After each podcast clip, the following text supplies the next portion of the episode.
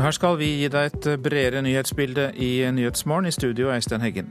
Vi tar straks kontakt med vår USA-korrespondent for å høre mer om Trumps påstander om avlytting, som FBI nå krever dementert. Regjeringen vil gi ungdom som er ofre for tvangsekteskap, veiledning gjennom en egen mentorordning. Samfunnsanalytikere ler av den nye regionen Viken, der regionens hovedby Oslo ikke er med. Han var skuffet, men lar det ikke gå inn på seg. Vi snakker selvfølgelig om Martin Jonsrud Sundby, som havnet på femteplass på femmila i går. I USA så ber altså direktøren for FBI om at Justisdepartementet offentlig dementerer president Trumps påstander om at Obama-administrasjonen avlyttet ham i valgkampen. Det melder New York Times og flere andre amerikanske medier. USA-korrespondent Tove Bjørgaas, hvorfor går FBI-sjefen såpass tydelig ut og ber om et dementi? Det er jo veldig spesielt at FBI-sjefen går ut og ber Justisdepartementet eh, demontere noe USAs egen president har sagt. Men James Comey gjør dette fordi dersom eh, dersom FBI hadde avlyttet Trump uten å ha tilstrekkelig bevis, så ville FBI ha gjort noe ulovlig.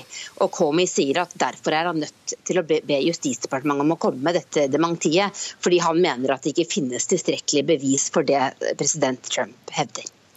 Men avlytting har skjedd tidligere i amerikansk politikk, eh, så hva er eh, sannsynligheten for at eh, Obama kan ha satt i verk en avlytting av Trump likevel? Ja, Trump har jo selv nevnt Watergate-skandalen i Twitter-meldingene som utløste dette på lørdag. Men dersom Obama skulle ha satt i verk avlytting av Trump, noe Obama-administrasjonen har benektet at de har gjort, så måtte de ha en rettslig ordre for å kunne gjøre det. Og ingen slik ordre er, er blitt søkt om.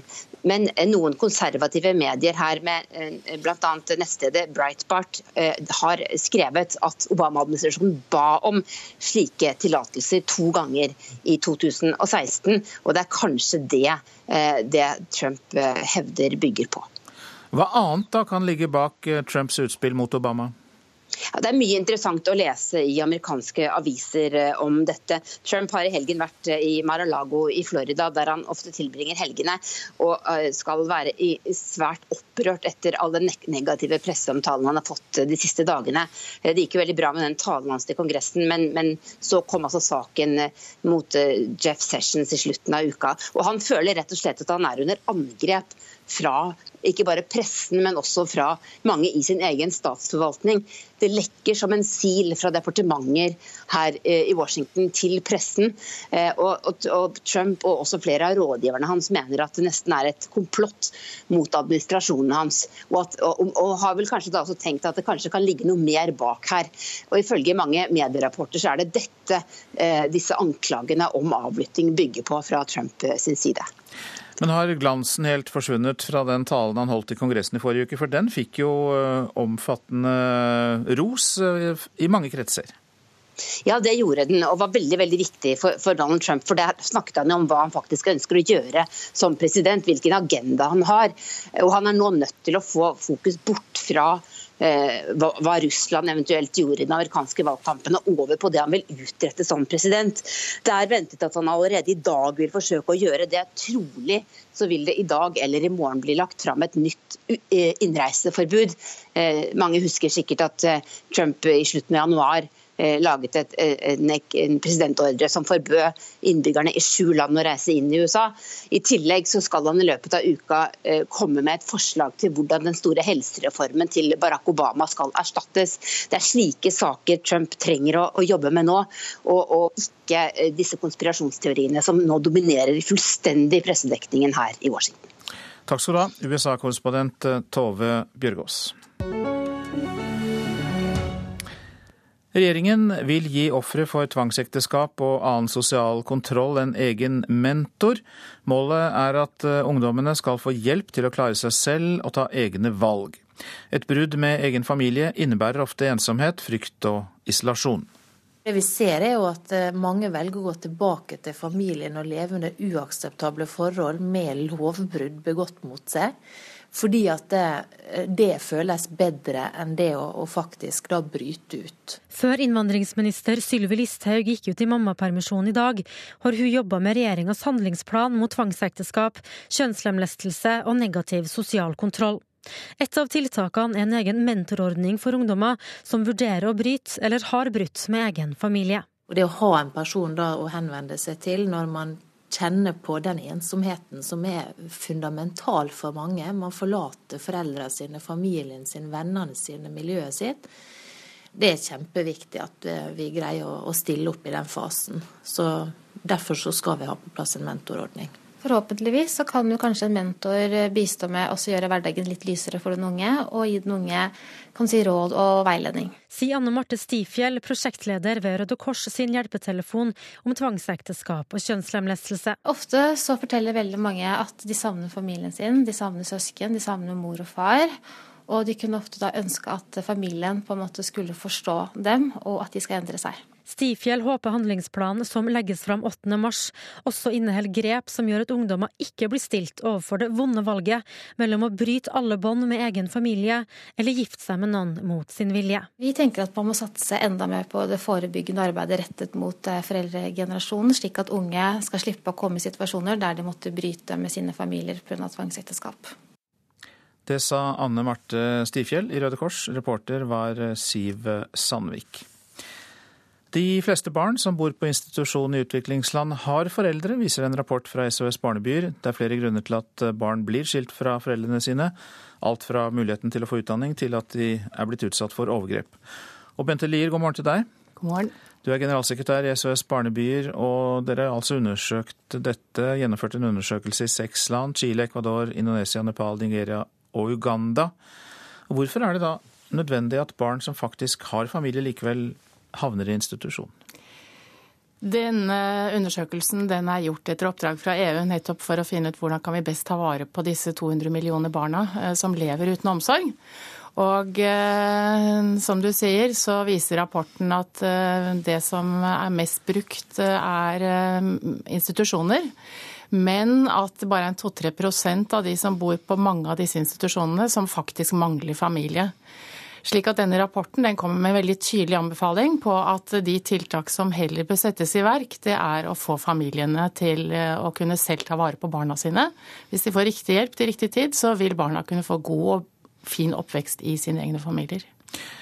Ja, hvordan skal dere klare det, da? Fordi det viser seg jo ifølge den undersøkelsen dere har laget at det blir flere institusjoner i de fleste landene, bortsett fra Ecuador? Det undersøkelsen også viser, er at den typen omsorg som etableres, den blir etablert fordi det er den som finner finansiering.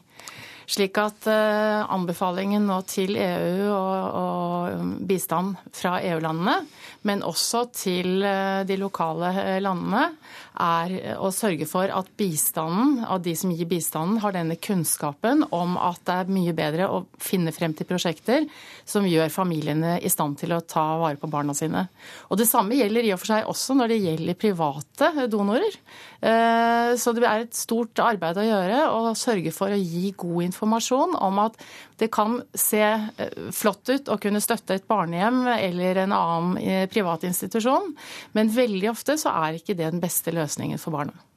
Men så er det da veldig forskjellige grunner, eh, leser man da i denne rapporten, til at de havner på institusjon. Noen kan jo være legitime, at de har blitt utsatt for overgrep hjemme. Andre kan være helt annerledes, at foreldrene kanskje skjønner at eh, det kan gi dem utdanning? Ja, helt riktig. Og det er klart at eh, hvis det her er familieforhold som gjør at barna ikke kan være der, så er det jo ofte en mulighet, eh, eller eneste muligheten er at man tar dem ut av hjemmet. Men det store antallet barn, viser det seg, det skyldes fattigdom, og det skyldes, som du var inne på, at det ikke er gode nok skoletilbud, kanskje ikke gode nok helsetilbud. Slik at det vil jo også være da en, en viktig oppgave å sørge for at skolen skoler bygges i nærheten av områder hvor det er behov for det, og tilsvarende med helseinstitusjoner. Jeg var selv i Malawi i høst, eh, og det var veldig spennende å både selvfølgelig besøke Barneby, som vi har der nede, hvor man har eh, tatt vare på barn som ikke kan være i sine egne familier. Men, men ikke minst spennende å komme rundt i lokalsamfunn hvor det er enkeltindivider og familier som har blitt hjulpet til å ta vare på barna sine. Jeg besøkte en mor som hadde blitt forlatt av barnefaren, hadde fem barn. Eh, to av dem hadde måttet sende av gårde fordi ikke, hun ikke hadde penger til å kunne verken gi dem mat eller å ta vare på dem og gi dem skolegang. Eh, hun hadde da, i et eh, samarbeid vi har med lokal organisasjon der nede, kommet inn i en låne- sparegruppe, hadde klart å skape seg sin egen virksomhet, hadde tjent penger, hadde nå fått bygget et større hus, og de to eldste barna hadde kommet hjem. Og jeg spurte sønnen på tolv hva tenker du om hva mamma har gjort. Og det er ikke ofte at tolv år gamle gutter er veldig stolte av mødrene sine, men han var veldig stolt av moren sin og sa at dette hadde han aldri trodd, og var selvfølgelig veldig glad for å komme tilbake. Takk for den historien og de andre informasjonene du kom hit med, Bente Lier, som altså er generalsekretær i SOS Barnebyer. Og så har jeg tittet litt på avisenes eh, forsider. Flykter fra kryssilden er Aftenpostens tittel til bilder av familier på fortvilet flukt i Mosul. Irakiske styrker har etablert eh, en storoffensiv nå for å ta tilbake IS-kontrollerte deler av byen, og det sender titusener av mennesker på flukt. Åpner ny terminal på Gardermoen, vil utvide igjen, skriver Dagens Næringsliv om Avinor, som varsler en ny utvidelse av Oslo lufthavn til 4 milliarder kroner. En ny utenlandsterminal kan stå ferdig allerede i 2021. Slik spres eh, netthatet mot de ansatte i barnevernet. Dagbladet har intervjuet fem personer som ifølge avisa driver Facebook-grupper der hatet mot barnevernet flommer. Noen nekter for at de driver med hets, andre sier at de som arbeider med å ta barn fra familier, må tåle hets. Det svenskeide busselskapet Nobina har ikke tjent en eneste krone de fem årene de har kjørt buss i Tromsø, kan Nordlys fortelle. Ifølge selskapets egne årsmeldinger har de tvert imot sponset busstilbudet med titalls millioner kroner hvert år. De miljøvennlige hybridbussene kommer seg ikke fram i Tromsø. Langbussene er for lange for Tromsø, og det er urealistiske rutetider. Ifølge en rapport fra Utdanningsdirektoratet svikter Steinerskolen i Oslo i håndteringen av mobbesaker. En mor som tok barnet sitt ut av skolen, sier til Dagsavisen at skolen bagatelliserte barnets opplevelse av egen skolehverdag. Daglig leder ved Steinerskolen, Ivar Smith, svarer at de har eh, forbedringsmuligheter, men at de gjorde alt de kunne i enkeltsaken avisa omtaler. Forskjellen mellom innvandrerbarn er stor, kan vi lese om i Vårt Land. Somaliske barn sliter mest og blir fattige selv etter mange år i Norge. I den andre enden av skalaen er barn med bakgrunn fra India som klatrer inn i middelklassen viser kartlegginger fra Nav og SSB. Fløibanen forlenges, er oppslaget i Bergensavisen. Ikke traseen riktignok, men vognene. Turistene strømmer til Bergens største turistattraksjon, og nye publikumsrekorder settes hvert år. Så nå vurderes det altså å forlenge vognene, slik at de kan ta opp til 25% flere passasjerer.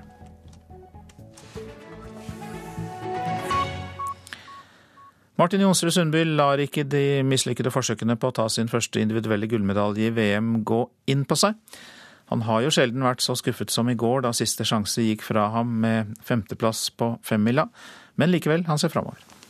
Selvfølgelig kjempe, kjempeskuffa over at jeg ikke klarer det. For første gang på 22 år klarte ikke Norge å ta individuelt gull på herresiden i langrenn i VM. Jonsrud Sundby var stor favoritt på alle distanserennene i Lahti, men klarte det ikke. Likevel vil han ikke la dette gå inn på seg personlig. Nei, det gjør det ikke. Altså, jeg er 32 år og er vant til dette her nå.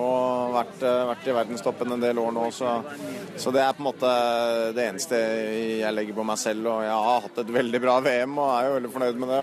Det ble to sølv og gull på stafetten for Jonsrud Sundby, men han drar hjem fra Finland uten gull individuelt. Mens vinneren på femmila, Alex Harvey fra Canada, mottok jubel i går, sto nordmannen på sidelinjen og konstaterte at han har vært i god form. Jeg har tenkt at jeg har vært i kjempegod form jeg, og, og, og, tatt medaljer hele veien og nesten, nesten lykkes. Så, så jeg har en kjempe, kjempekropp og er i stor form. Da går det mange tanker gjennom huet mitt, men, men jeg, jeg må bare rett og slett stå for at jeg, jeg prøvde alt jeg kunne, men jeg klarte det ikke. Et VM uten individuelt gull på herresiden er selvsagt skuffende, sier landslagssjef Vidar Løfshus. Men han viser til at det har vært et godt norsk mesterskap totalt sett. Klart det, Når vi kommer hit for å ta gull, så som sier jeg er fornøyd med at uh, vi som landslag har nådd våre mål. Men jeg vet jo at det er utøvere som er skuffet når de ikke får pakka ned en gullmedalje og reise herfra. Så, sånn er det. Men så, så må jeg si, det går ikke an å henge med hodet for det når vi har vært så, så fantastisk gode som vi har vært. Reporter i Lahti var Geir Elle. Klokka har passert 6.47. Dette er eh, hovedsaker. Nord-Korea har skutt opp fire raketter utover havet mot Japan, opplyser japanske og sørkoreanske myndigheter. Japan kaller hendelsen en alvorlig trussel mot landets sikkerhet. Mer om dette etter klokka sju. I USA ber direktøren for FBI om at Justisdepartementet offentlig dementerer president Trumps påstander om at Obama-administrasjonen avlyttet ham i valgkampen. Det melder New York Times og flere andre amerikanske medier. Regjeringen vil gi ofre for tvangsekteskap veiledning gjennom en egen mentorordning. Målet er at ungdommene skal få hjelp til å klare seg selv og ta egne valg. Den nye region Viken slaktes av en av landets fremste eksperter på offentlig organisering. Noe av det merkeligste ved Viken er at regionens hovedby ikke er med. Det sier Geir Vinsand i Nivi analyse. Hovedbyen er jo Oslo, men Oslo skal jo ikke være med i Viken. Så da må man jo finne en alternativ løsning, og det jeg drar litt på smilebåndet, rett og slett. Altså, dette er, dette er en, en, merkelig historisk konstruksjon, altså, som er et politisk påfunn. Eh, mer enn det er en faglig seriøs eh, regionbygging, syns vi her i Nivi i hvert fall. Han er mye brukt av det offentlige til utredningsarbeid. Geir Vinsands spesialområde er omstillinger, reformer og organisering av kommuner, fylkeskommuner og statlig forvaltning. Nå plukker kommuneeksperten fra hverandre Viken, regionen som Stortinget ønsker å etablere rundt hovedstaden. Og dette er det verste ja, det er at den ikke er det vi kaller geografisk funksjonell. At regionen ikke betyr et fellesskap for kommuner, for næringsliv og for innbyggere. Altså det å ha et direkte folkevalgt organ som strekker seg fra Halden til Haugastøl, altså. Det, og som omslutter Oslo. Som kaller seg Viken, og som ikke har med Vestfold. Nei, det, dette, dette, er, dette, er, rett og slett litt komisk, syns vi. ja, det syntes Geir Vinsand i Nivi analyse reporter var Dag Åsdalen. Hytte i Hemsedal er målet for mange, og ventetida kan være på flere år. Nå er hytteprisene i Buskerud kommunen skyhøye, og rekorden på 12,6 millioner kroner ble satt i forrige uke. Eiendomsinvestor eh, Erik Teigen har hatt mye å gjøre i det siste, for vinterferien er jo da viktig for å legge til rette for salg av fritidsboliger. Det er fullt trøkk. Det går unna virkelig bra. Og masse mennesker, flotte forhold i bakken. og vi har jo valgt en litt annen salgsstrategi enn resten av markedet, for vi kjører eh, lukkede visningsrunde til interessenter som har ventet eh, lenge på nye leilighetsprosjekter og har hatt visning for disse. Mm. Så da er vinterferien viktig, at folk har litt fri en stund? Absolutt. Det er en del eh, av de viktige periodene. Både vinterferie, høstferie og påskeferie. Og i og med at det er stor rift etter hytter og ferieleiligheter i Hemsedal, går prisene stadig oppover. Det koster å bygge. Det er faktisk dyrere å bygge her oppe enn det er å bygge i byen. Så dette må vi også ta igjen gjennom høyere priser. Hva er rekorden, da? Eh, nå Sist helg så solgte vi en leilighet for 12,6 eh, millioner på 126 kvadratmeter. Det er altfor lite hytter, fritidsbostader og fritidsbostadtomter til salgs i Hemsedal. Det mener eiendomsmekler i Fjellmegleren, Gjermund Svendsen Rosendal. Her i Hemsedal har vi for lite å selge. Så her er, det, her er det nok mer selgers enn kjøpers marked. For etterspørselen er stor. Og ser du generelt i Norge, så har ikke etterspørselen etter hytter vært så stor på ja, over ti år, faktisk. Så det, det er en, et voldsomt antall nordmenn som ønsker seg hytte, hytte, på fjellet. Og veldig mange realiserer den drømmen. Så, men i Hemsedal skulle vi gjerne hatt eh, en god del mer av, kall det sånn folkehytte. Eh, og, og, da snakker vi om hytter i prisstørrelsen opp til her oppe, til opp til sånn rundt 3,5 million. Skulle vi gjerne hatt uh, vesentlig flere. Ola Halvard Jorde er hytteentreprenør i Hemsedal. Han merker godt at det er få hytter å få tak i i området. Dette går veldig lett unna. Hvor mange hytter er det i området her nå? Nei, nå er det fem og, nei, 23 enheter vi har bygd nå på siste ett og et halvt året. Og de gikk, de gikk som hakka møkk? Ja, på tre måneder hadde vi solgt 21. Eh, Men det er ikke alle som er like heldige som kundene til Jorde. Emilia Nesvik fra Oslo har venta i tre år før hun fikk tak i hytte i Hemsedal. Nei, det har vært en lang prosess. Og nå måtte vi bare kline til. Men det fikk eh, på en måte ei drømmehytte på fjellet, da? Det gjorde vi. Veldig glad for det oppe på Snaufjellet på Hemsedalsfjellet. Det stemmer. Men det å vente så lenge, hvordan har den prosessen vært da? Har det jobba fælt for å få hytte? Ja, Det har jo vært veldig slitsomt. Det har jo vært å sett på alle hytter eh, som har blitt lagt ut i vår prisklasse. Eh, og vært i en del budrunder som vi ikke har, eh, ikke har vunnet. da, og det har vært veldig frustrerende, egentlig. At du er og kikker etter hytte på, på nettet hver eneste dag, og det bare Det kommer liksom veldig sjelden noe nytt, da. Hyttemegler Gjermund Svendsen Rosendal er ikke overraska over at det er så stor rift etter fritidsbostaden i Hemsedal og områda ellers i Hallingdal og Valdres.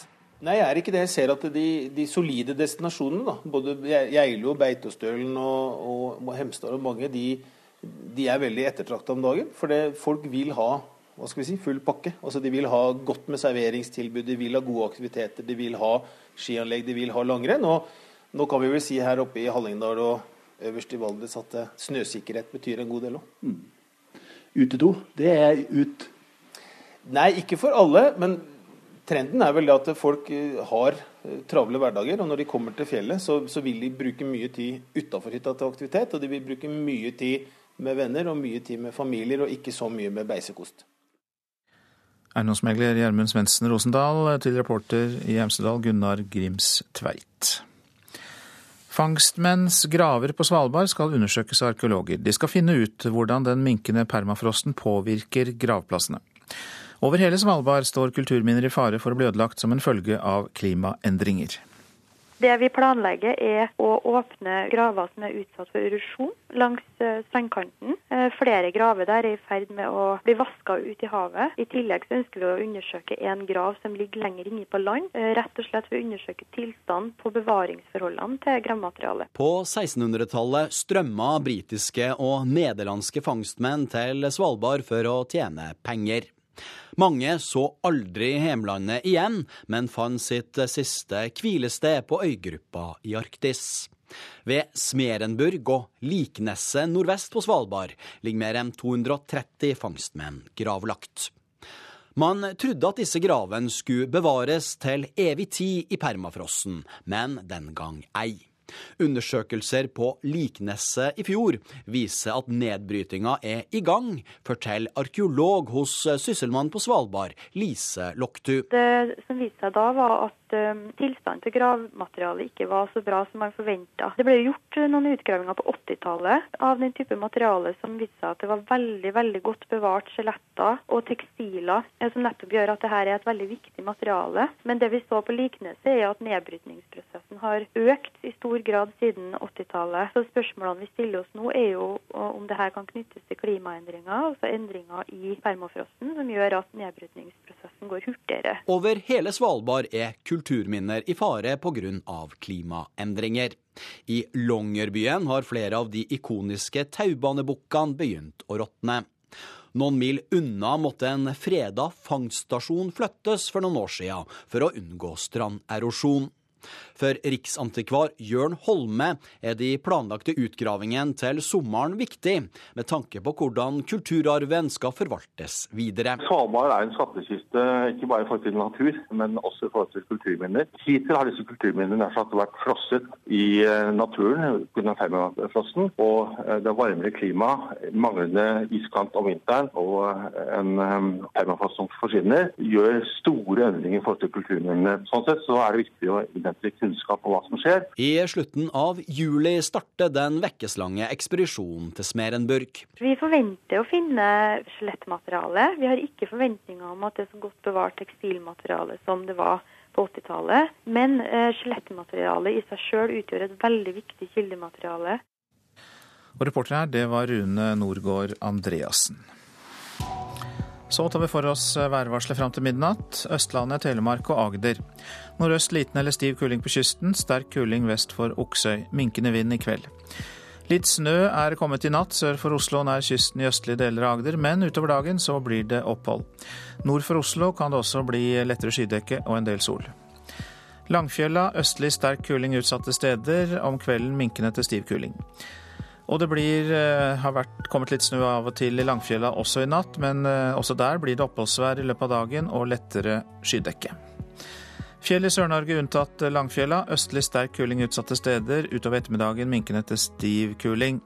Oppholdsvær og perioder med sol.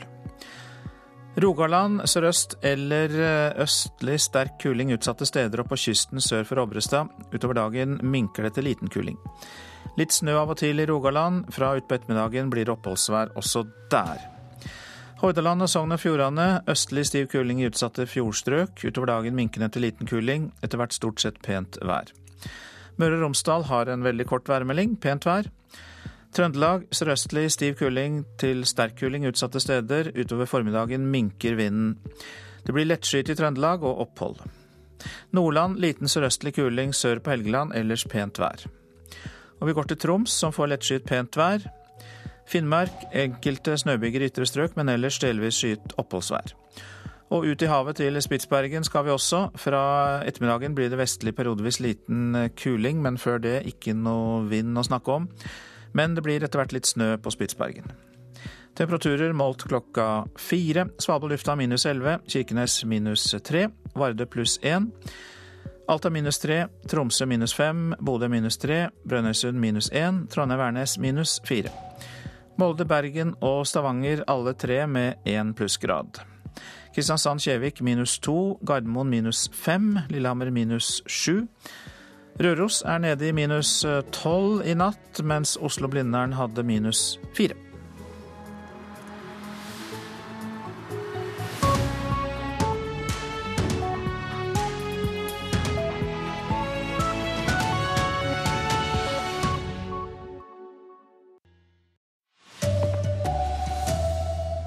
Direktøren for FBI avviser påstandene om at Obama har avlyttet Trump.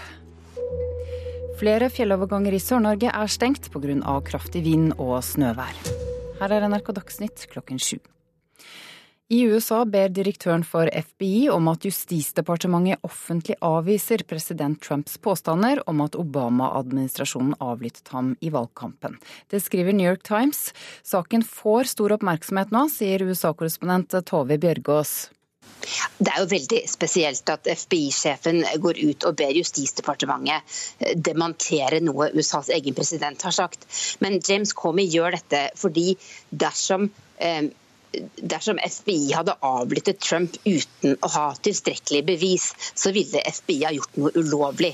Og Comey sier at derfor er han nødt til å be Justisdepartementet om å komme med dette dementiet, fordi han mener at det ikke finnes tilstrekkelig bevis for det president Trump hevder. Nord-Korea har skutt opp fire raketter østover mot Japan. Det sier japanske og sørkoreanske myndigheter. Missilene havnet i sjøen i Japans økonomiske sone, ifølge landene. Japan kaller dette en alvorlig trussel. Flere fjelloverganger i Sør-Norge er fortsatt stengt for bilister pga. kraftig vind og snøvær. Det gjelder bl.a. veien over Hauklifjell, men der vil Vegvesenet vurdere situasjonen i løpet av de neste timene, sier trafikkoperatør i Statens vegvesen Jeanette Andresen. Nå har det jo vært en del stengninger nå i, i går.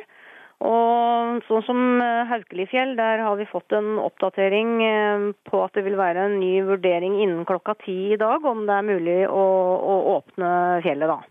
Og ellers så er rv. 7 eh, over Hardangervidda den er fortsatt stengt for kjøretøy under 7,5 tonn. Mens det går kolonne for større kjøretøy. Så er det jo åpne fjelloverganger som er mulig å passere. Det er jo rv. 52 Hemsedalsfjellet er jo åpent. E16 Filefjell er åpent. Rv. 13 Vikafjell er åpent. Rv. 15 Skjåk-Stryn Strynefjell er åpent. Og fv. 53 Tyen-Årdal den er også åpen. Den kan bli stengt på kort varsel. Og så er fv. 50 Hol-Auland åpen. Det sa Jeanette Andresen i Statens vegvesen. Politiet har pågrepet tre menn mistenkt for å ha stått bak et ran og for å ha truet en drosjesjåfør i Oslo i dag tidlig. Først ble en mann ranet og slått i ansiktet med et skytevåpen i en bakgård på Frogner. Så ble en drosjesjåfør truet med skytevåpen i Trondheimsveien ved Grünerløkka. De tre mennene som er pågrepet har utenlandsk opprinnelse, sier politiet. NRK Dagsnytt, Ida Creed. Det uvanlige i at USAs etterretningstjeneste krever et dementi av presidenten, det skal vi høre mer om. Nord-Koreas rakettoppskyting får vi også mer informasjon om fra vår Asia-korrespondent her i Nyhetsmorgen. Donald Trump dukker opp i norsk jernbanedebatt også. Samferdselsministeren sier SV driver Trump-retorikk. Og det er strid om kvaliteten på E6 langs Mjøsa. Nye Veier vil redusere frostsikringen for å spare penger. Som hørte i Dagsnytt, så ber altså direktøren for FBI om at Justisdepartementet i USA offentlig dementerer president Donald Trumps påstander om at Obama-administrasjonen avlyttet ham i valgkampen. Det er New York Times og flere andre amerikanske medier som melder det.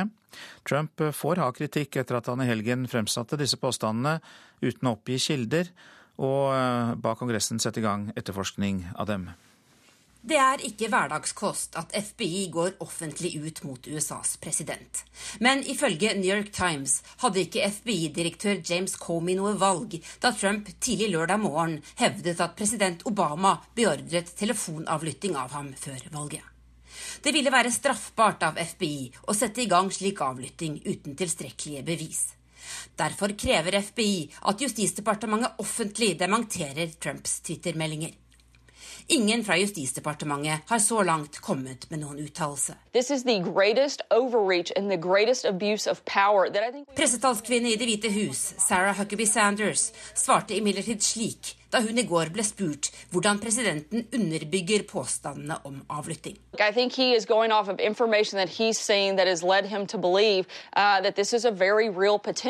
Han bygger dette på informasjon han har sett som gjør at han tror dette potensielt kan ha skjedd, sa Sanders til ABC News. Trump-administrasjonen ba i går Kongressen sette i gang etterforskning av om avlyttingen kan ha funnet sted. It would be more helpful if he turned over to the Intelligence Committee any evidence that he has. If it's true, obviously we're going to find out very quickly, and if it isn't, then obviously he'll have to explain what he meant by it. Republikanerne Susan Collins og Marco Rubio i etterretningskomiteen i Senatet ber imidlertid om bevis. Ifølge amerikanske medier er kildene Trump bygger anklagene på, trolig flere rapporter i høyrepopulistiske nyhetsmedier de siste ukene. Nettstedet Breitbart brakte fredag en artikkel der det sto at Obama-administrasjonen i juni og oktober i fjor ba om tillatelse til å avlytte Trump Tower. USAs president har hatt noen krevende dager etter at det onsdag ble avslørt at justisminister Jeff Sessions hadde møter med Russlands ambassadør i valgkampen. Stadige lekkasjer til mediene fra departementer har de siste dagene fått medier på høyresiden til å hevde at Trump-administrasjonen blir utsatt for planlagte angrep fra statsforvaltningen.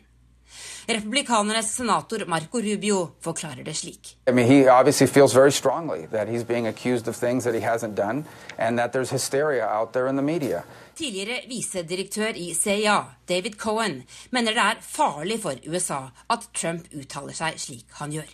Making uh, claims and allegations and accusations that don't have any basis in reality the more we will be at risk of not having a president who can speak authoritatively when the time comes. Jo flere påstander han framsetter som ikke har rot i virkeligheten, jo mindre autoritet vil presidenten ha den dagen det er alvor, sier Cohen til NBC.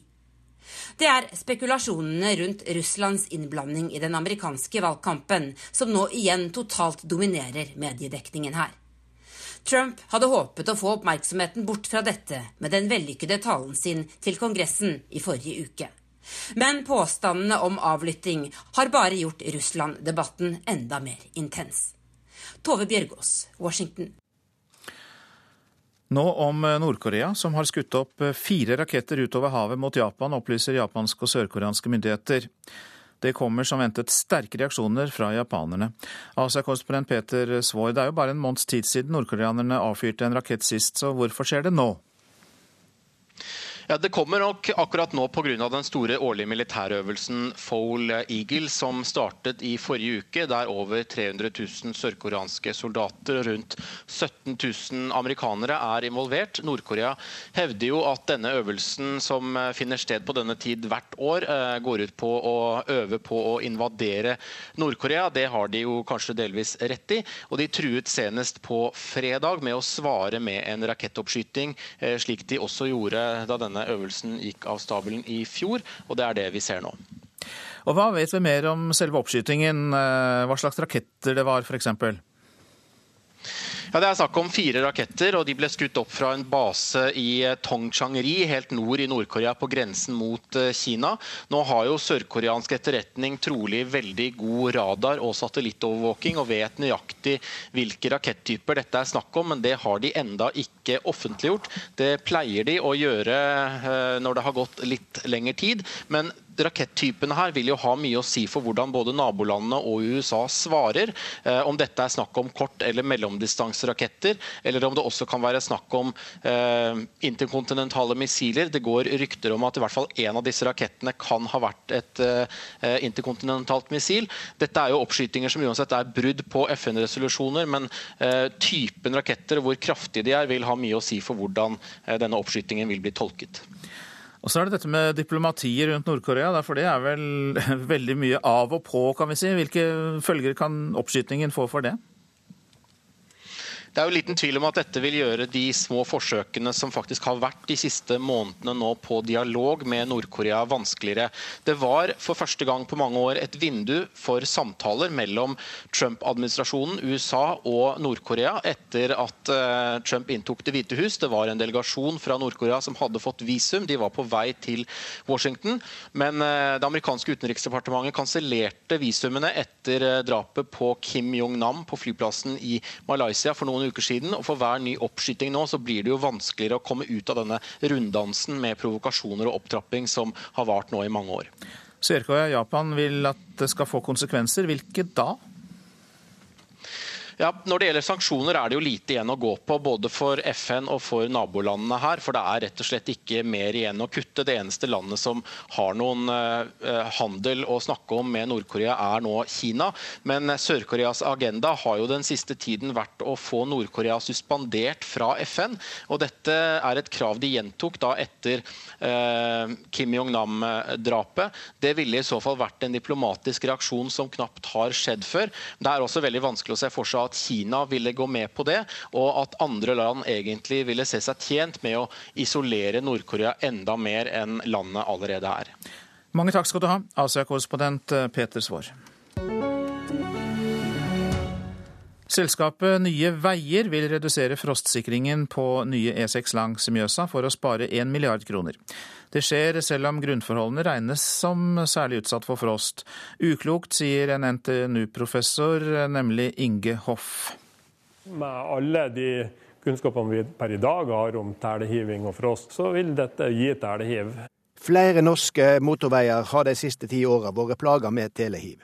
Ei ekspertgruppe undersøkte veistrekningene, og rådet var klart djupere frostsikring. Ødelegger nesten bilen jeg kjører på veien der. Det vakte oppsikt da den nye E18 i Østfold ble utsatt for telehiv kort tid etter åpninga for få år siden. Jeg syns jo det er litt merkelig da, på den nye veien. Så... I dag er det generelle kravet at det skal være 2,4 meter fyllmasser som skal hindre at frosten går ned i grunnen under motorveier. Nye Veier ber om fritak for disse kravene når de nå skal bygge ny firefelts E6 langs Mjøsa, og selskapet vil jobbe etter svensk standard. Med frostsikring på bare drøyt 1,5 meter kan de spare over 1 milliard kroner. Og det vil de, selv om dette er en strekning med det Nye Veier sjøl definerer som telefarlige masser, sier prosjektdirektør Øyvind Moshagen. Nei, Vi har jo fått et oppdrag om å utfordre både rammer og hvordan vi skal bygge på. Og, det, Hvordan vi skal da bygge overbygning og frostsikring er jo et av de områdene vi har sett det er potensialer i. Og Vi skal ikke bygge dårlig, vi skal bygge bra. og Spørsmålet er hva er bra nok. Professor Inge Hoff ved NTNU satt i ekspertgruppa som evaluerte teleskadene på E18 og rv. 2. Han mener planene for E6 langs Mjøsa ikke er gode nyheter for trafikantene. Så vil frosten trenge gjennom, kanskje ikke hver vinter, men ganske mange vintre. Og du vil få betydelige eh, telehiv og skader og ubehag for trafikantene stort sett et dårligere resultat enn, du ellers ville ha fått. Likevel står Nye Veier på sitt, og hevder at dersom det ikke får bygge frostsikring på 1,8 meter eller tynnere, rokker det ved realiseringa av prosjektet. Det handler mer om hvor, hvor mye sikkerhetsmarginer skal du bygge inn, og hvilken effekt får du av den kall ekstra 60-70-80 cm, som da koster en milliard. Ja, en milliard. Er det slik at det er eh, pengene som trumfer kvalitet? Nei, det er det ikke. Vi skal bygge akkurat like bra som det har vært gjort før. Men det blir som veldig mange andre temaer, at på et eller annet tidspunkt så begynner pengene å ikke virke så godt som det vi vil lenger. NTNU-professor Inge Hoff ser at Nye Veier har fått et klart mandat fra regjeringa om å bygge fort og billig. Men jeg hadde jo ønska at de skulle prøve å oppnå de besparelsene uten å gå på bekostning av kvaliteten på det som blir bygd. Nei, Min kommentar til det er jo at dagens vei på E6 i Hedmark er 1,2 meter. Den er bilistene veldig fornøyd med. Avdelingsdirektør Bettina Sandvin i Statens vegvesen vurderer nå søknaden fra Nye Veier om å få bygge billig. Ja, vi skal svare på fravikssøknaden ut fra den standarden som Norge ønsker å ha på sitt veinett. Jeg lover en minst like fin og jevn vei som det er bygd sørafor. Og Reporter her var Bjørn Atle Gillestad. Vi har selvfølgelig med oss ordfører i Hamar, Einar Busterud. God morgen til deg. Ja, god morgen. da. Du er med oss fra studio i Elverum. og Hvordan mottar du meldingen om redusert frostsikring og svensk standard? Nei, Nå er jeg ikke noen ekspert på frostsikring, men eh, det er jo tre måter å billig, bygge billigere veier på. Det ene er å bygge mer effektivt, det andre er å la andre være med å betale deler av regninga, og det tredje er å gå ned på kvaliteten. og Det er jo det jeg oppfatter nå blir gjort. Men vi snakker om en innsparing på 1 milliard kroner. Kvaliteten forringes ikke ifølge Nye Veiers direktør, så det er vel også et samfunnsansvar å godta en så stor besparelse? Ja, Det er jeg helt enig i, men det er klart at her snakker vi om en, en regning som dukker opp før eller senere. Og den regninga kan jo da framtidige bilister og innbyggere få. Så vi har jo en veistandard i Norge som er laga ut fra en tusenårs erfaring med veibygging, så det er vel ikke tatt ut av løse lufta de krava som er utforma. Prosjektdirektør Øyvind Moshagen sa jo at han kunne garantere like god kvalitet. Tror du ikke helt på ham? Jeg ville vel ikke akkurat gamble med en sånn vei, for det er klart at det, det absolutt dyreste har jeg måttet gjøre på jobben. Ok, la meg ta deg på ordet, og at det da kan bli kostnader etter hvert på dette her. Hvilke konsekvenser er det du frykter da? Nei, Det første er jo at det kan jo gå på trafikksikkerheten løs hvis du får mye tæliv. Men det er klart en vei som er utsatt for tæliving, den er jo mye mer utsatt for å bli brutt ned og bli ødelagt mye raskere enn andre veier med, med nok tælesikring. Etter at du har hørt om disse nye veiplanene, hva vil du foreta deg? Nei, Jeg vil jo gå inn i saken, for denne skal passere Hamar. Hamar er jo en del av Innlandet, og Innlandet er det kaldeste området i Norge. Så det er klart at det er én stand du må være obs på teleproblemet, så er det her. Så vi vil jo ikke ta dette for god fisk sånn uten videre. Men Hva er det en ordfører gjør da, når han vil gå videre med en sak som dette? Nei, Vi får jo kontakte både Statens vegvesen, som sitter med den tekniske godkjenningen, og Nye Veier. Jeg ser jo at Nye Veier har fått ett oppdrag, og det er å bygge billigere. Og det kan jo også bli en regning som blir dyr etter hvert, da, hvis du begynner å gå ned på standarder som øker vedlikeholdsbehovet om noen år. Her kan vi regne med at noen får en telefon og en visitt kanskje også fra ordfører i Hamar, Einar Busterud. Takk for at du var med oss. Bare hyggelig. Og mens jeg har snakket med ordføreren i Hamar, så har du kommet inn i studio, Håvard Grønli. Det betyr kanskje at vi ikke helt slipper dette i Politisk kvarter? Nei, vi holder fram med denne tematikken aldri så lite. For hvis en kan spare en dryg milliard på noen mil med motorvei, så må vel det være genialt for oss som er skattebetalerne. Det er det Nye Veier får til. Men den samfunnsgevinsten kommer til å forsvinne dersom det blir Ap-regjering. Dette hevder Høyre-nestleder Nikolai Astrup. Han møter Arbeiderpartiets transportpolitiske talsmann. Og så tar vi jo med oss det spørsmålet som du hadde oppe her da med Busterud fra Hamar. Standardkravene på veier er der vel av en grunn? Kanskje det var verdt å bruke litt ekstra penger på slikt? Om en knapp halvtime, Politisk kvarter klokka 7.45. Dette er hovedsaker i Nyhetsmorgen. Nord-Korea har skutt opp fire raketter utover havet mot Japan, opplyser japanske og sørkoreanske myndigheter. Japan kaller hendelsen en alvorlig trussel mot landets sikkerhet. I USA ber direktøren for FBI om at Justisdepartementet offentlig dementerer president Donald Trumps påstander om at Obama-administrasjonen avlyttet ham i valgkampen. Og vi har hørt at selskapet Nye Veier vil redusere frostsikringen på nye E6 langs Mjøsa for å spare en milliard. Ordfører i Hamar, Einar Busterud, sa nettopp at grunnforholdene er utsatt for frost i dette området, og han var da imot den endringen. Og apropos veier, flere fjelloverganger i Sør-Norge er fortsatt stengt for bilister pga. kraftig vind og snøvær, bl.a. over Haukeli.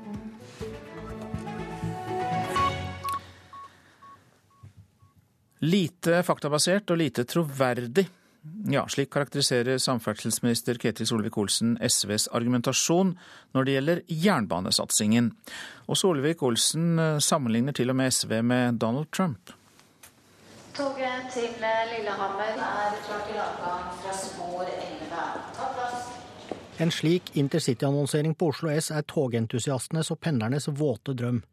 Men da Høyre, Frp, KrF og Venstre la fram planen som skal sikre drømmen i 2034, var SVs Heikki Eidsvoll Holmås nådeløs i sin dom.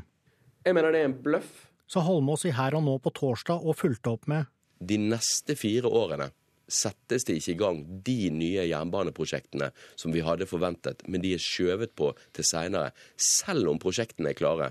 I Politisk kvarter på fredag. Det har fått den ellers så blå samferdselsministeren Ketil Solvik-Olsen til å se rødt. Det er ikke troverdig fra hans side. Vi har en jernbanesatsing på intercity som er dobbelt så stor som det han finansierte.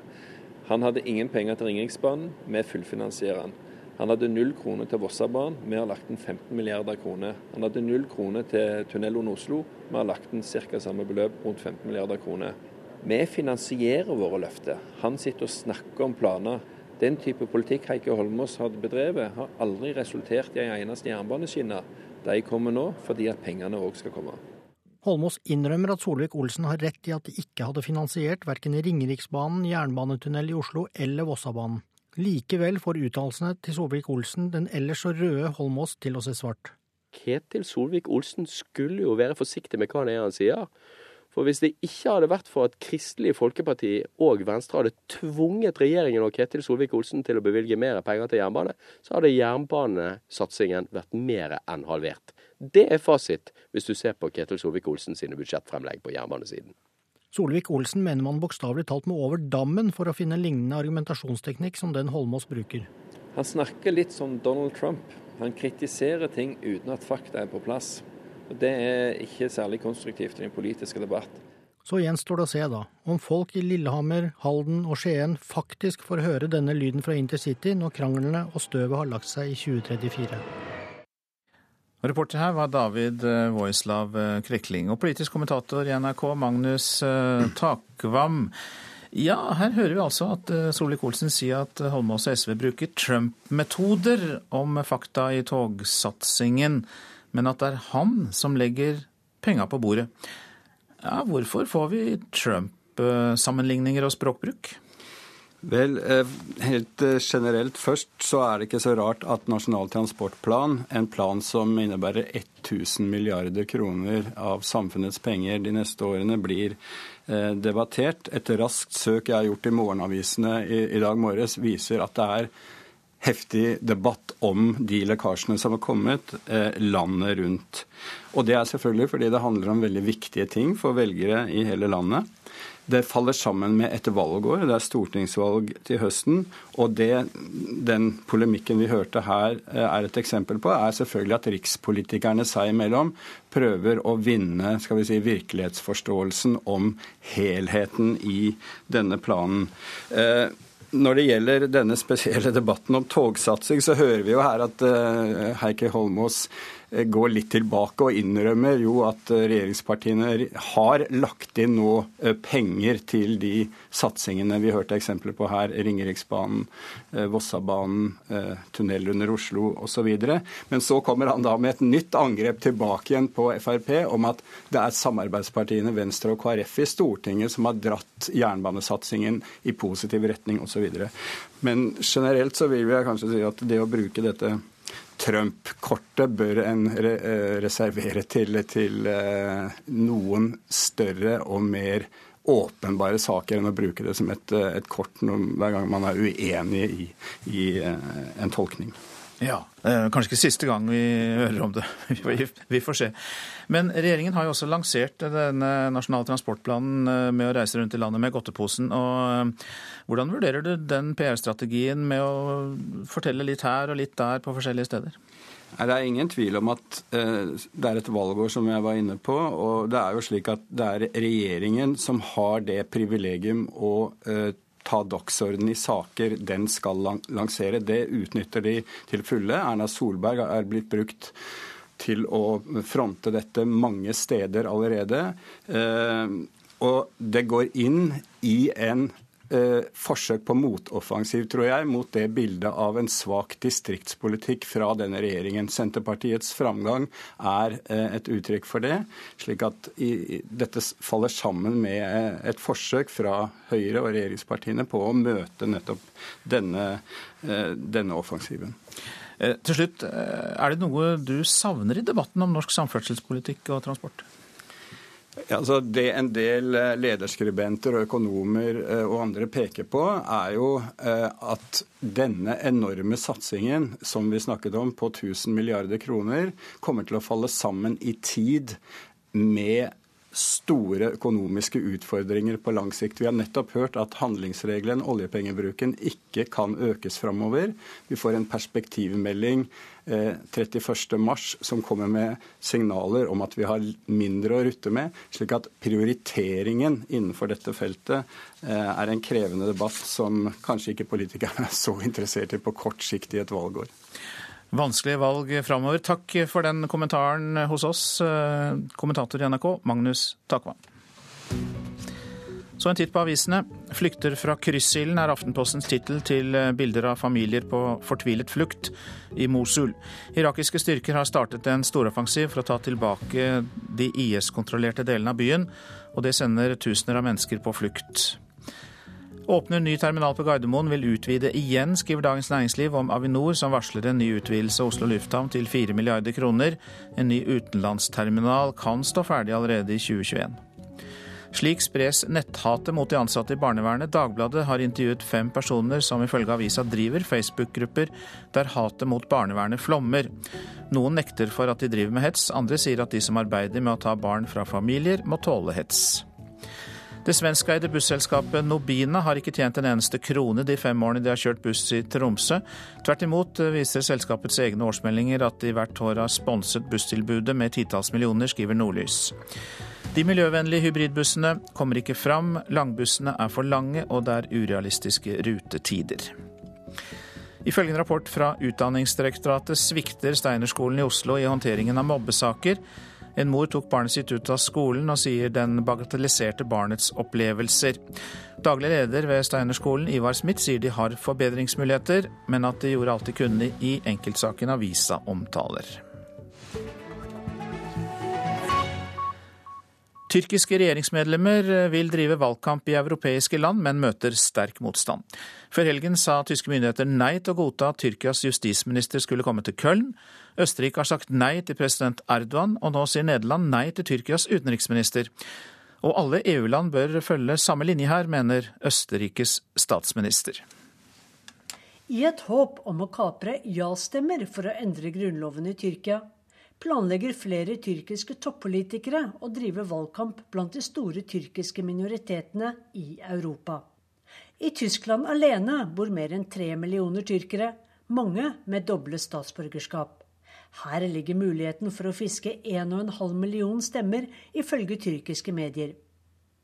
Om ja-siden vinner, vil Tyrkia forlate det parlamentariske systemet av i dag og få et sterkt sentralisert presidentstyre det betyr at president Erdogan vil få langt mer makt enn han har i dag.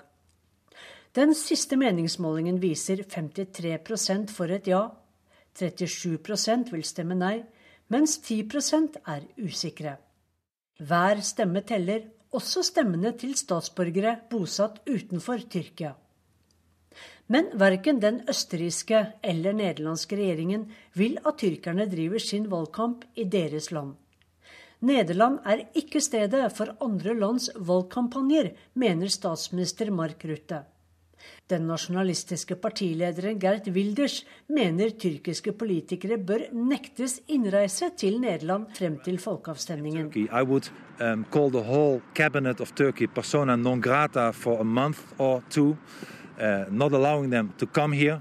Det bor nesten 400 000 tyrkere i Nederland. Nå mener statsministeren i Østerrike, Christian Kern, at EU bør forby tyrkiske politikere å drive politiske kampanjer i alle EU-land. En felles respons fra EU for å forhindre dette vil være på sin plass, slik at f.eks. Tyskland alene ikke blir presset av Tyrkia. Det sa Kern til den tyske avisen Welt am Sonntag i går. For etter at lokale myndigheter i Tyskland avlyste to valgkamparrangement, er det nettopp mot Tyskland at tyrkernes sinne retter seg. Türkiye'nin yani Türklerin burada kampanya yapmasını istemiyorlar. De vil ikke at tyrkiske ledere skal få drive valgkamp, fordi de, altså tyskerne, jobber for nei-siden. Tyskland vil ikke ha et sterkt Tyrkia, mener utenriksminister Mevlut Cavacolo, og han fortsetter. Tyrkia er ikke et land som tar ordre fra dere. Dere er ikke Tyrkias sjef. Om dere vil ha et godt forhold til oss, ja, så må dere lære dere hvordan dere skal behandle oss, er Cavusoglos klare beskjed til Tysklands regjering. Men spørsmålet om valgkamp er også prinsipielt for EU-landene. For skal andre lands ledere få drive politiske kampanjer blant Europas minoriteter? I Østerrike og Nederland mener politikere at en slik tyrkisk valgkamp bare vil virke splittende innad og hindre integrering. Og folkeavstemningen i Tyrkia den finner sted 16. april. Sissel rapporterte fra Istanbul, og seint i går kveld beskyldte president Recep Tayyip Erdogan Tyskland for å bruke nazimetoder etter at flere valgkampmøter altså er blitt avlyst. Tysklands justisminister mener anklagene er absurde. Prosent for Nyhetsmorgen, Kari Bekken Larsen. Her i studio, Øystein Heggen. Striden mellom Armenia og Aserbajdsjan om Nagorno-Karabakh er tema for reportasjen etter Dagsnytt. Minst seks soldater er drept i sammenstøt de siste to ukene.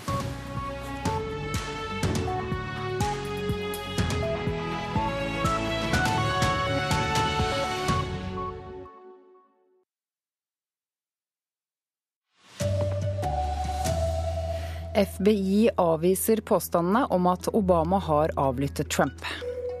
Nord-Korea har skutt raketter i retning Japan. Regjeringen her hjemme foreslår en mentorordning som skal hjelpe ofre for tvangsekteskap og sosial kontroll. Det er kjempeviktig at vi greier å stille opp i den fasen. Her er NRK Dagsnytt klokken 7.30. I USA ber altså direktøren for FBI om at Justisdepartementet offentlig avviser president Trumps påstander om at Obama-administrasjonen avlyttet ham i valgkampen. Det melder New York Times og flere andre amerikanske medier. Trump får hard kritikk etter at han i helgen kom med disse påstandene uten å oppgi kilder. Det er ikke hverdagskost at FBI går offentlig ut mot USAs president. Men ifølge New York Times hadde ikke FBI-direktør James Comey noe valg da Trump tidlig lørdag morgen hevdet at president Obama beordret telefonavlytting av ham før valget. Det ville være straffbart av FBI å sette i gang slik avlytting uten tilstrekkelige bevis. Derfor krever FBI at Justisdepartementet offentlig dementerer Trumps Twitter-meldinger. Ingen fra Justisdepartementet har så langt kommet med noen uttalelse. Pressetalskvinne i Det hvite hus, Sarah Huckabee Sanders, svarte imidlertid slik da hun i går ble spurt hvordan presidenten underbygger påstandene om avlytting.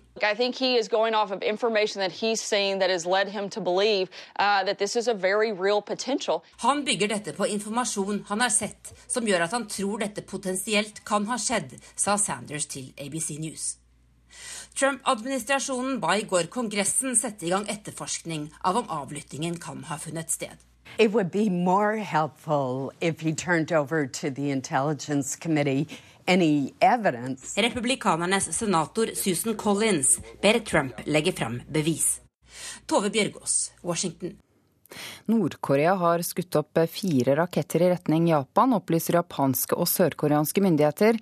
Tre av disse rakettene havnet i havområder kontrollert av Japan, som kaller dette en alvorlig trussel. Men det er foreløpig ikke kjent om det dreier seg om raketter som kan rekke lengre enn Nord-Koreas naboland, sier Asia-korrespondent Peter Svaar.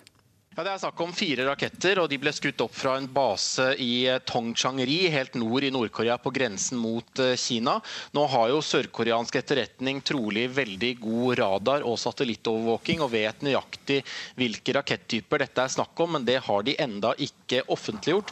Det pleier de å gjøre når det har gått litt lengre tid. men Rakettypene her vil jo ha mye å si for hvordan både nabolandene og USA svarer.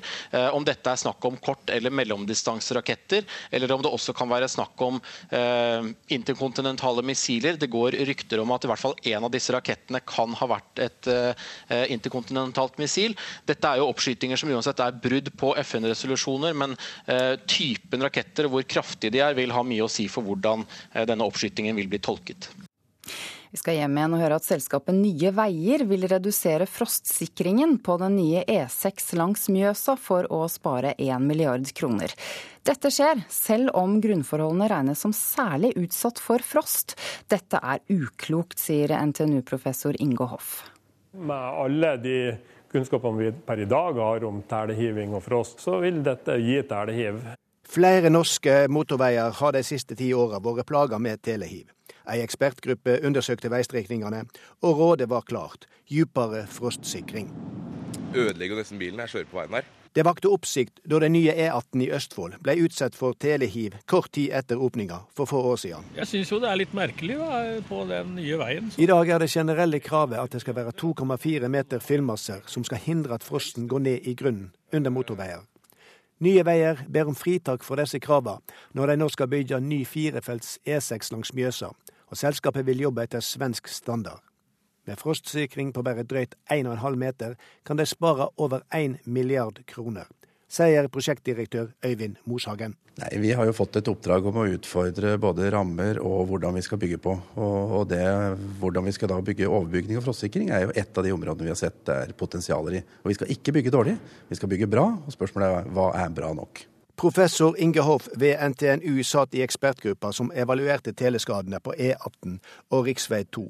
Han mener planene for E6 langs Mjøsa ikke er gode nyheter for trafikantene. Så du vil få betydelige eh, telehiv og skader og ubehag for trafikantene. Likevel står Nye Veier på sitt. Vi skal bygge akkurat like bra som det har vært gjort før. Men det blir som veldig mange andre temaer, at på et eller annet tidspunkt så begynner pengene å ikke virke så godt som det vi vil lenger. Reporter Bjørn Atle Gildestad. Regjeringen vil gi ofre for tvangsekteskap og annen sosial kontroll en egen mentor. Målet er at ungdommen skal få hjelp til å klare seg selv og ta egne valg. For et brudd med egen familie innebærer ofte ensomhet, frykt og isolasjon. Det vi ser er jo at eh, mange velger å gå tilbake til familien og leve under uakseptable forhold med lovbrudd begått mot seg. Fordi at det, det føles bedre enn det å, å, faktisk da bryte ut. Før innvandringsminister Sylvi Listhaug gikk ut i mammapermisjon i dag, har hun jobba med regjeringas handlingsplan mot tvangsekteskap, kjønnslemlestelse og negativ sosial kontroll. Et av tiltakene er en egen mentorordning for ungdommer som vurderer å bryte eller har brutt med egen familie. Og Det å ha en person da å henvende seg til når man kjenner på den ensomheten som er fundamental for mange. Man forlater foreldrene sine, familien sin, vennene sine, miljøet sitt. Det er kjempeviktig at eh, vi greier å stille opp i den fasen. Så Derfor så skal vi ha på plass en mentorordning. Forhåpentligvis så kan jo kanskje en mentor bistå med å gjøre hverdagen litt lysere for den unge, og gi den unge kan si råd og veiledning. Sier Anne Marte Stifjell, prosjektleder ved Røde Kors sin hjelpetelefon om tvangsekteskap og kjønnslemlestelse. Mange unge etter det brutt med sin familie, så er de ofte gjerne ensomme, og de har et begrenset nettverk. Og flere syns at, syns at det er vanskelig å starte livet sitt på egen hånd, helt alene. Reporter Siv Sandvik. Lite faktabasert og lite troverdig, slik eh, karakteriserer samferdselsministeren SVs argumentasjon om jernbanesatsingen til regjeringen og samarbeidspartiene på Stortinget. Han sammenligner SV med Donald Trump. Den type politikk Heikki Holmås hadde bedrevet, har aldri resultert i en eneste jernbaneskinne. De kommer nå fordi at pengene òg skal komme. Den ellers blå samferdselsministeren Ketil Solvik-Olsen fra Fremskrittspartiet har sett rødt etter at Heikki Eidsvoll Holmås fra SV kalte regjeringens jernbanesatsinger en bløff i flere programmer på NRK. Det er ikke troverdig fra hans side. Vi har en jernbanesatsing på intercity som er dobbelt så stor som det han finansierte. Han hadde ingen penger til Ringeriksbanen, vi fullfinansierer den. Han hadde null kroner til Vossabanen, vi har lagt inn 15 milliarder kroner. Han hadde null kroner til tunnel under Oslo, vi har lagt inn ca. samme beløp, rundt 15 milliarder kroner. Vi finansierer våre løfter. Han sitter og snakker om planer. Holmås lar seg ikke imponere av samferdselsministerens kritikk. Ketil Solvik-Olsen skulle jo være forsiktig med hva det er han sier. For hvis det ikke hadde vært for at Kristelig Folkeparti og Venstre hadde tvunget regjeringen og Ketil Solvik-Olsen til å bevilge mer penger til jernbane, så hadde jernbanesatsingen vært mer enn halvert. Reporter David Krekling. Uværet skaper trøbbel for mange bilister. Fortsatt er flere fjelloverganger i Sør-Norge stengt. Det gjelder også fjellovergangen på Haukelifjell, sier trafikkoperatør i Statens vegvesen, Jeanette Andresen. Nå har det jo vært en del stengninger nå i, i går. Mange har hatt vinterferie denne uken, men å komme seg ned fra fjellet kan være en utfordring. Også i dag er flere fjelloverganger stengt som følge av vind og snøvær. Europavei 134 over Haukelifjell er fortsatt stengt, men kan åpnes i løpet av dagen, forteller Andresen. Det vil være en ny vurdering innen klokka ti i dag om det er mulig å, å åpne fjellet da. Og ellers så er rv. 7 over Hardangervidda den er fortsatt stengt for kjøretøy under 7,5 tonn. Vaktleder ved Haukeli brøytestasjon, Olav Stana, forteller at det fortsatt blåser kraftig på fjellet. Så begynner det å lysne av dag. litt men det er litt snø i luftet og kraftig vind. Men han er optimistisk med tanke på å få åpnet fjellovergangen ved Haukeli i løpet av dagen. Kan hende vi får til en periode med kolonnekjøring iallfall i løpet av ettermiddagen. Det er altså usikkert om man kan kjøre over Haukelifjell i dag, men det er flere fjelloverganger som er åpne, forteller Andresen. Det er jo rv. 52 Hemsedalsfjellet er jo åpent. E16 Filefjell er åpent. Rv. 13 Vikafjell er åpent. Rv. 15 Skjåk-Stryn, Strynefjellet er åpent. Og fv. 53 Tyen-Årdal, den er også åpen. Den kan bli stengt på kort varsel. Og så er fv. 50 Hol-Auland åpen. Reporter Kristine Hirsti. Ansvarlig for Dagsnytt denne morgenen er Erlend Rønneberg. Jeg heter Rida Creed.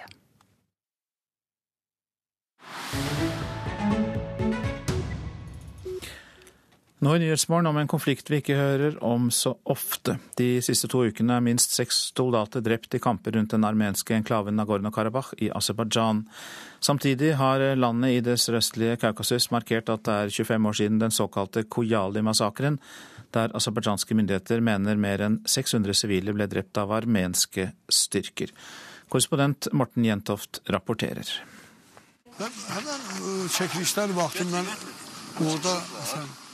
Det var forferdelige scener som møtte de første hjelpemannskapene som med helikopter kom fram til områdene utenfor Hachali 26.2.1992.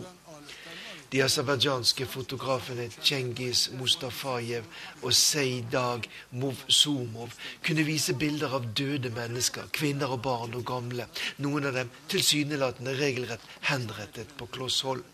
Hendelsene i og rundt Huchali er trolig de verste massakrene som har skjedd under den snart 30 år lange konflikten mellom Armenia og Aserbajdsjan, og overgås i vår del av verden bare av folkemordet i bosniske Srebrenica noen år seinere. Byen Huchali ligger ikke langt fra hovedstaden i Nagorno-Karabakh, Stepanakert, og hadde en strategisk viktig betydning fordi der ligger den eneste flyplassen i området.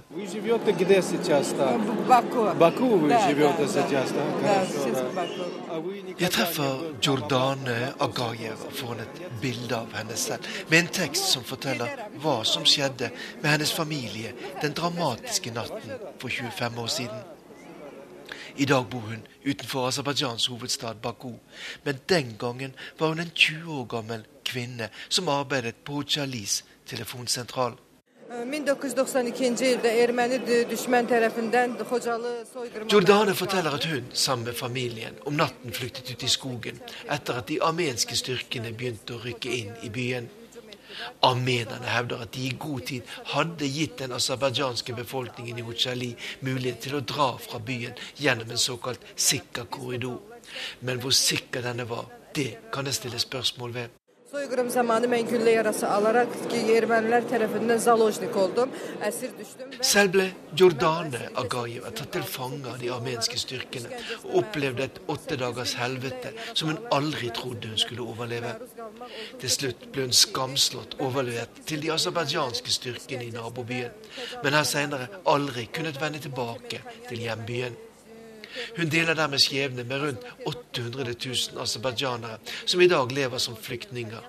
Noen av dem kommer fra selve Armenia, men de langt fleste fra områder som de armenske styrkene erobret under krigen på begynnelsen av 1990-tallet.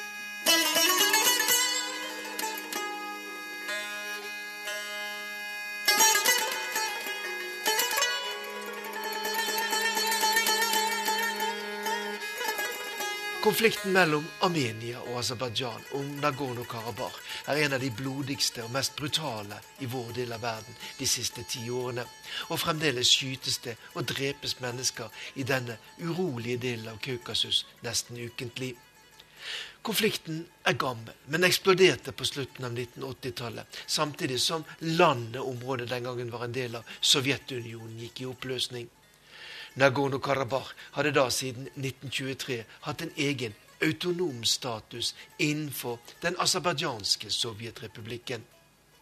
Men i løpet av kort tid tok den ene hendelsen den andre. Titusenvis av mennesker ble tvunget til å forlate sine hjem i en storstilt etnisk rensning. Mer enn 200 000 armenere er i dag også flyktninger pga. konflikten.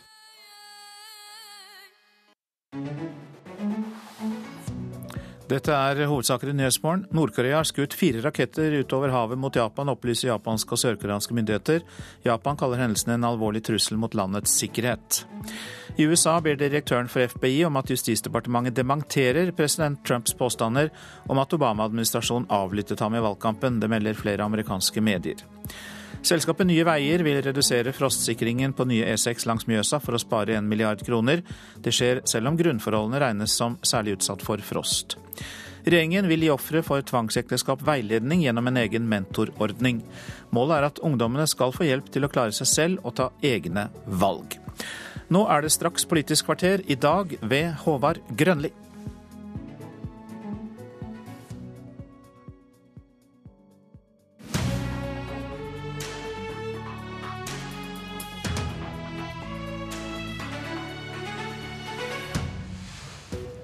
Det nye statlige selskapet Nye Veier sparer oss for milliarder, mener Høyre, og hevder at ei Arbeiderpartiregjering vil ta oss tilbake til dyre løsninger.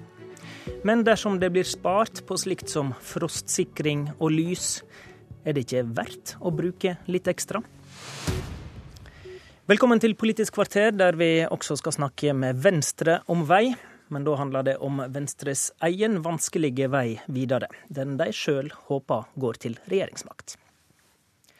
Nærmere 1000 milliarder vil regjeringa bruke på samferdsel neste tolv åra. Regjeringa sin samferdslebaby, aksjeselskapet Nye Veier, sørger for å gi oss mye for pengene de neste åra, mener Høyre. For de skal bygge raskt og smart og utfordre vedtekne sanninger, og slik være mer effektive. Nikolai Astrup, leder i transportkomiteen på Stortinget.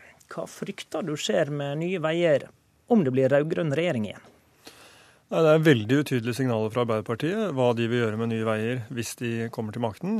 Men det er til gjengjeld krystallklart fra eh, deres mulige samarbeidspartier, nemlig SV og Senterpartiet, eh, om at de ønsker å legge ned Nye Veier. Eh, og det mener jeg er veldig uheldig. Utgangspunktet er jo at det er dobbelt så dyrt å bygge vei i Norge som i Sverige. Det behøver det ikke å være. Hvis du ser, tar topografien til side, så behøver det ikke å være det. Og Nye Veier er ett svar på den utfordringen. Eh, de skal bygge 53 eh, mil med motorvei innenfor en ramme på 20 år eh, og 140 milliarder. Allerede nå sier Nye Veier at de mener at denne porteføljen kan realiseres 20% billigere, kanskje mer. Det utgjør da hvert eneste år nesten et halvt årlig samferdselsbudsjett. Eh, altså ikke hvert eneste år, men totalt så utgjør det et halvt årlig samferdselsbudsjett. 30 milliarder i besparelser. Ehm, og de mener også det er mulig å realisere hele denne porteføljen, 53 eh, mil, på 12 år istedenfor på 20 år. Og til sammenligning så har det altså tatt 24 år å bygge ut E18 gjennom Vestfold, som er 10 mil lang. Så dette er, eh, de gjør mye godt arbeid, og jeg mener at eh, det er et eksempel på nyvinninger i offentlig sektor som vi må se mer av, ikke mindre. Eirik Sivertsen, transportpolitisk talsmann for Arbeiderpartiet. Her har vel regjeringa sørga for at vi får mye igjen for pengene. Er dette en suksess? Ja, Det gjenstår å se. Dette selskapet har jo ikke bygd en meter vei eh, ennå. Og det er jo heller ikke det her selskapet som skal bygge vei. Det vil jo være de samme entreprenørene som bygger for eh, Statens eh, vegvesen eller eh, Jernbaneverket når vi bygger eh, jernbane.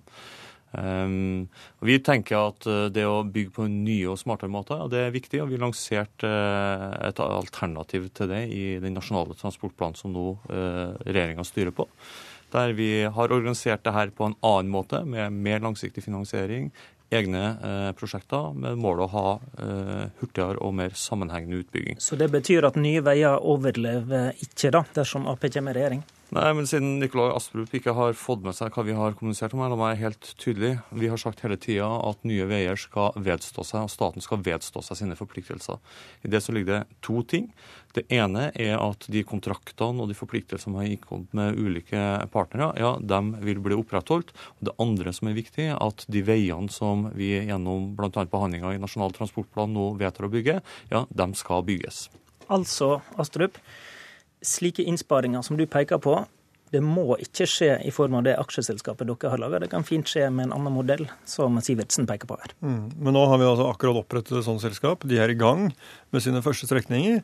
Eh, og på den første kontrakten, Arendal-Tvedestrand, så har de spart en halv milliard bare der. Eh, på kontrakten ved Bamble har de spart 300 millioner bare der. Eh, og det ligger også veldig godt an i de prosjektene som ligger foran i løypa. Så eh, det å skape usikkerhet om fremtiden til dette selskapet mener jeg er veldig uheldig. Eh, og Sivertsen, ja, han skal vedstå seg sine forpliktelser, det er flott. Men SV og Senterpartiet har ikke tenkt å vedstå seg noen ting. Eh, for alle de menneskene som bor i de regionene som berøres av Nye Veiers portefølje, og det er ganske mange, det er hele Trøndelag, det er hele Innlandet og det er hele Sørlandet, Eh, de eh, trenger også sikkerhet for at eh, nå kommer disse prosjektene slik Nye Veier har forespeilet dem, og de kommer i den rekkefølgen som Nye Veier har sagt. Så til det om hvordan en sparer. Vi har hørt i dag om at Nye Veier utfordrer de kravene som nå er satt til frostsikring. Når selskapet reduserer store kostnader på den måten, mener du at det umulig kan gå utover kvalitet eller trygghet? Altså Med all respekt for NRKs journalistikk, så var jo den saken i dag litt uh, villedende. Uh, ettersom det jo på E6 i dag er 1,2 meter frostsikring, og Nye Veier legger opp til 1,8 meter frostsikring. Og, og, det er et makskrav. Og de må søke dispensasjon fra ja, de kravene som er satt. Og det er en makskrav på 2,4 meter. Og så trekkes man sammenligningen til E18 i Østfold.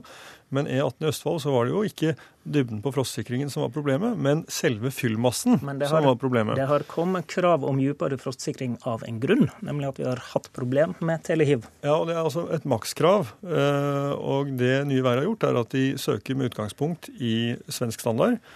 Eh, og eh, det er ingen tvil om at eh, de legger opp til en bedre frostsikring enn det som er på E6 i dag, og en bedre frostsikring enn det som var på den E6-en som akkurat er ferdigstilt litt sør for. Men svaret ditt er med andre ord dette går ikke utover kvalitet, Det, nei, den måten en utfordrer Nei, det som er så fint med Nye Veier, er at de har også ansvar for vedlikehold av de veiene de bygger. Og Det betyr at hvis de bygger for dårlig, så får, er det de som får smellen.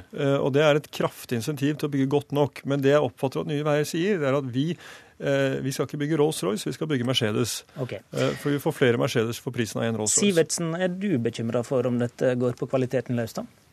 Altså, nå er ikke jeg noen ekspert på eh, frostsikring. Sitter ingen slike eksperter i dette studio, skal jeg love deg. Nei, så jeg skal være litt sånn tilbakeholden med å, med å konkludere på om det her er godt nok, eller om det er Rolls-Royce eller Mercedes. Men jeg tenker jo at når vi har gjort oss noen erfaringer med manglende frostsikring, det ble dyrt. Eh, så ble det satt noen standarder, og det er en grunn til at det ble satt noen faglige eh, standarder. Eh, og jeg er bekymra for at vi sparer oss til, til fant. Det er jo ikke noe heksekunst å bygge billigere hvis du tar ned kvaliteten. Det klarer alle. Men hensikten med dette selskapet må jo være også å bygge godt nok. Eh, og med høy nok kvalitet, men gjør det på andre måter. Der gjenstår det jo å se om man faktisk klarer å spare penger. Men, men, mener du at Nye Veier sier primærinnsparing er på å ta ned kvalitet, som du sier nå, da? Det handler jo også om planlegging og, og andre ting. Ja, På planleggingstida så, så, gjenstår det jo å se om man klarer å gjøre noe eh, innsparinger. Eh, planleggingstida på de prosjektene under denne regjeringa er jo ikke dokumentert tatt fordi om det er en hovedmålsetning i, i gjeldende NTP, så gjør Astrup et poeng av at eh, ja, Nye Veier skal ikke bare bygge veiene, skal vedlikeholde dem ja, i 20 år. Eh, men hva etter 20 år? Hvem skal ha, ha ansvaret da? Det er en ganske kortsiktig eh, perspektiv på det. Men og, poenget hans er vel at hvis de legger opp til en for dårlig frostsikring, da, som er dette eh, eksempelet, så vil de jo få igjen den utgiften sjøl om de gjør det for dårlig? Ja, gitt, ja, gitt at man bygger med 20-årsperspektiv, og etter 20 år så skal veien tilbake til, til Statens vegvesen, eh, så kan du jo også spare på det. Det har vi også sett i en del bransjer at det skjer. Astrup-veiene skal stå i lenger enn 20 år, så det, en skal kanskje tenke eh, enda mer langsiktig? Hvis vi får telehivproblemer, så kommer det før, før, det, for å si det sånn. På, I Østfold så kom jo de problemene første vinteren, og de kom som en følge av at fyllmassen ikke var i henhold til de kravene som var stilt. Eh, og Det hadde altså ingenting med selve frostsikringen å gjøre. Um, men, så, men, men, så, jeg tror vi skal være åpne på at av og til så stiller vi krav som uh, er generelle krav, uh, og som kanskje ikke er like relevante overalt. Og også Statens vegvesen har jo tidvis bygget uh, med helt andre krav enn det av avvikende standard fra det som er kravene. Bl.a. smalere veiskulder uten veilys, mindre frostsikring. Eh, så det er, ikke, det er, ikke, noe nytt. Men det er ikke der hovedbesparelsen kommer. Den kommer ved at man bl.a. Okay. slipper inn entreprenørene langt tidligere, har mer fleksible reguleringsplaner, eh, ser på sånne ting som massebalanse, eh, og ser hele strek lange strekninger i sammenheng. Det gjør det mulig å spare penger. Ja, Det vi har hørt fra det, det her selskapet, er at det skal legges tynnere lag med, med, asfalt. Det vil føre til at du må reasfaltere eh, tidligere. Det har vært foreslått å ta ned eh, dreneringa. Det er jeg veldig skeptisk til i en endring der, altså i en tid der vi ser mer og mer eh, klimaendringer, mer og mer eh, regn. Nå er det eh, frostsikringa. Og så lenge ja, det her foregår på en faglig eh, forsvarlig måte, så er det for så vidt greit nok. Men det er jo en grunn til at vi har fått de standardene vi har hatt, og de kravene vi har fått. Så det får bli en faglig diskusjon. Men det nye veiselskapet selskapet må vise at de kan bygge billigere på en annen måte enn å bare ta ned kvaliteten. Takk til Erik Sivertsen. Takk til Nikolai Astrup.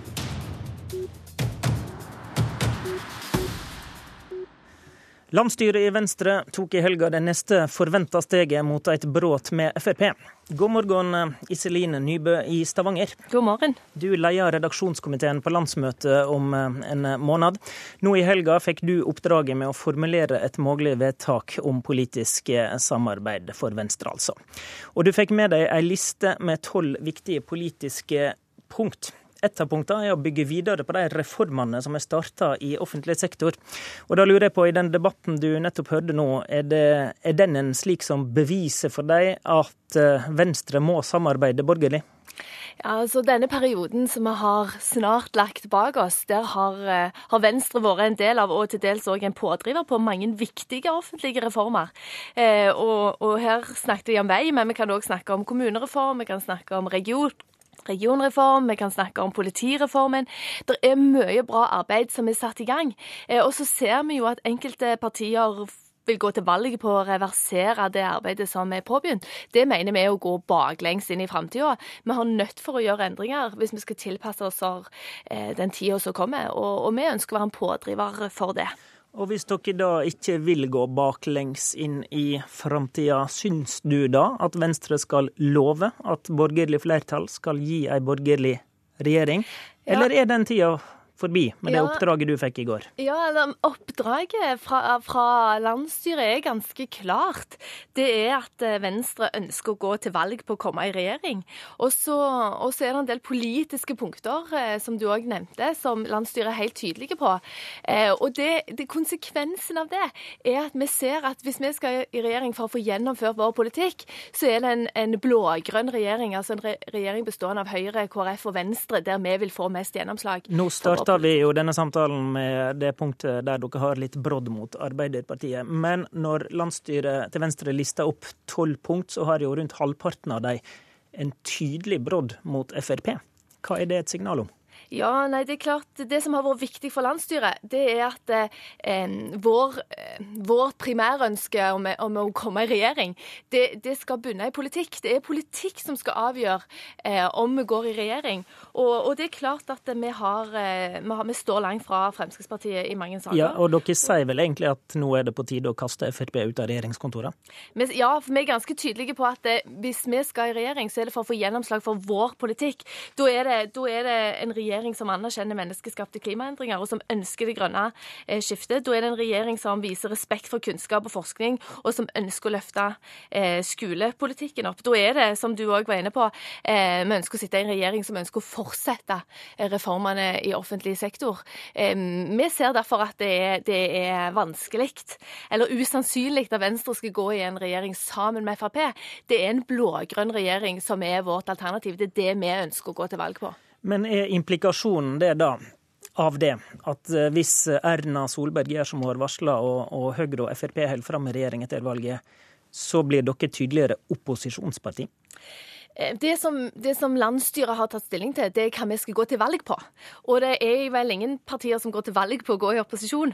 Eh, vi går til valg på for å komme i regjering, og vi ønsker å bli størst mulig for å få mest mulig gjennomslag. Og det er det som, som landsstyret har bedt eh, Redd-nemnda om å lage en politisk uttalelse som handler om. Vi, vi, vi har tidligere utfordra partilederen din her i dette studioet på om hva som er Venstres plan B. Og det du sier nå, betyr at du kommer ikke til å formulere noe slikt, du heller? Ja, for det det er ingen partier som går til valg på en plan B.